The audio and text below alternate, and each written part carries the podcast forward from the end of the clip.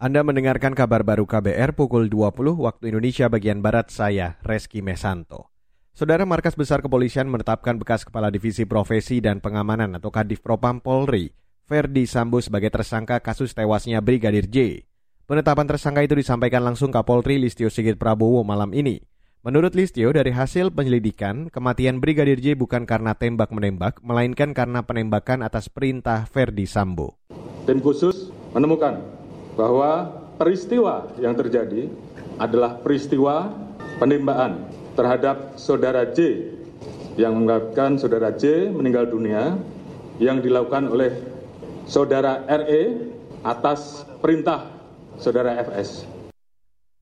Kapolri Listio Sigit Prabowo mengatakan motif penembakan terhadap Brigadir J masih diperiksa oleh Baris Krim Polri. Listio juga menyebut hasil pemeriksaan tim khusus mengungkap ada upaya untuk merekayasa atau menutup-nutupi fakta kasus kematian Brigadir J. Sejauh ini tim khusus Polri memeriksa lebih dari 30 orang anggota polisi yang diduga tidak profesional dalam menangani kasus kematian Brigadir J. Beralih ke berita selanjutnya, Saudara. Perusahaan listrik negara PT PLN mencatat terjadi penurunan stok batubara untuk bahan bakar pembangkit listrik di Indonesia. Direktur Utama PT PLN, Darmawan Prasojo, mengatakan, banyak pengusaha batubara cenderung memanfaatkan peluang saat ini untuk menjual batubara ke luar negeri karena selisih harga jual yang tinggi antara harga dalam negeri dan luar negeri.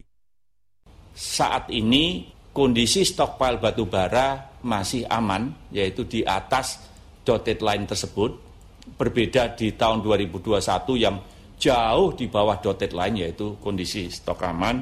Tetapi kita melihat trennya juga semakin menurun.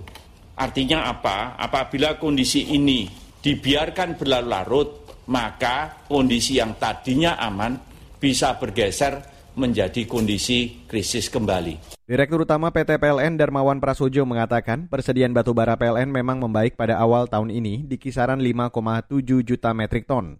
Namun saat ini stok cenderung turun menjadi 5,1 juta metrik ton. Padahal batas aman stok batubara untuk PLN di angka 4,5 juta metrik ton. Saat ini harga batu bara global mencapai 340 dolar Amerika Serikat per ton. Sedangkan harga batu bara dalam negeri sesuai penugasan Domestic Market Obligation atau DMO, sektor kelistrikan hanya dihargai 70 dolar Amerika Serikat per ton. Kini kita beralih ke informasi pemilu 2024. Kabar pemilu. Kabar pemilu.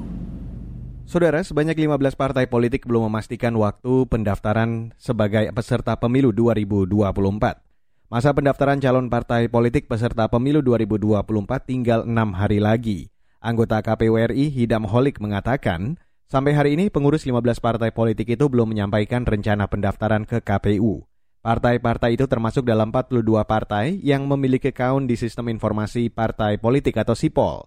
Hingga saat ini ada 18 partai politik yang sudah mendaftar ke KPU sebagai calon peserta pemilu 2024. Di antaranya PDI Perjuangan, PKS, PKB, Demokrat, Gerindra, Hanura, Nasdem, Perindo, Partai Bulan Bintang, dan Gelora. Dari 18 partai mendaftar, baru 10 yang memenuhi syarat kelengkapan dokumen. Pendaftaran peserta pemilu dibuka mulai 1 hingga 14 Agustus 2022. Terima kasih Anda sudah mendengarkan kabar baru yang dipersembahkan oleh kantor Berita Radio. Saya Reski Mesanto.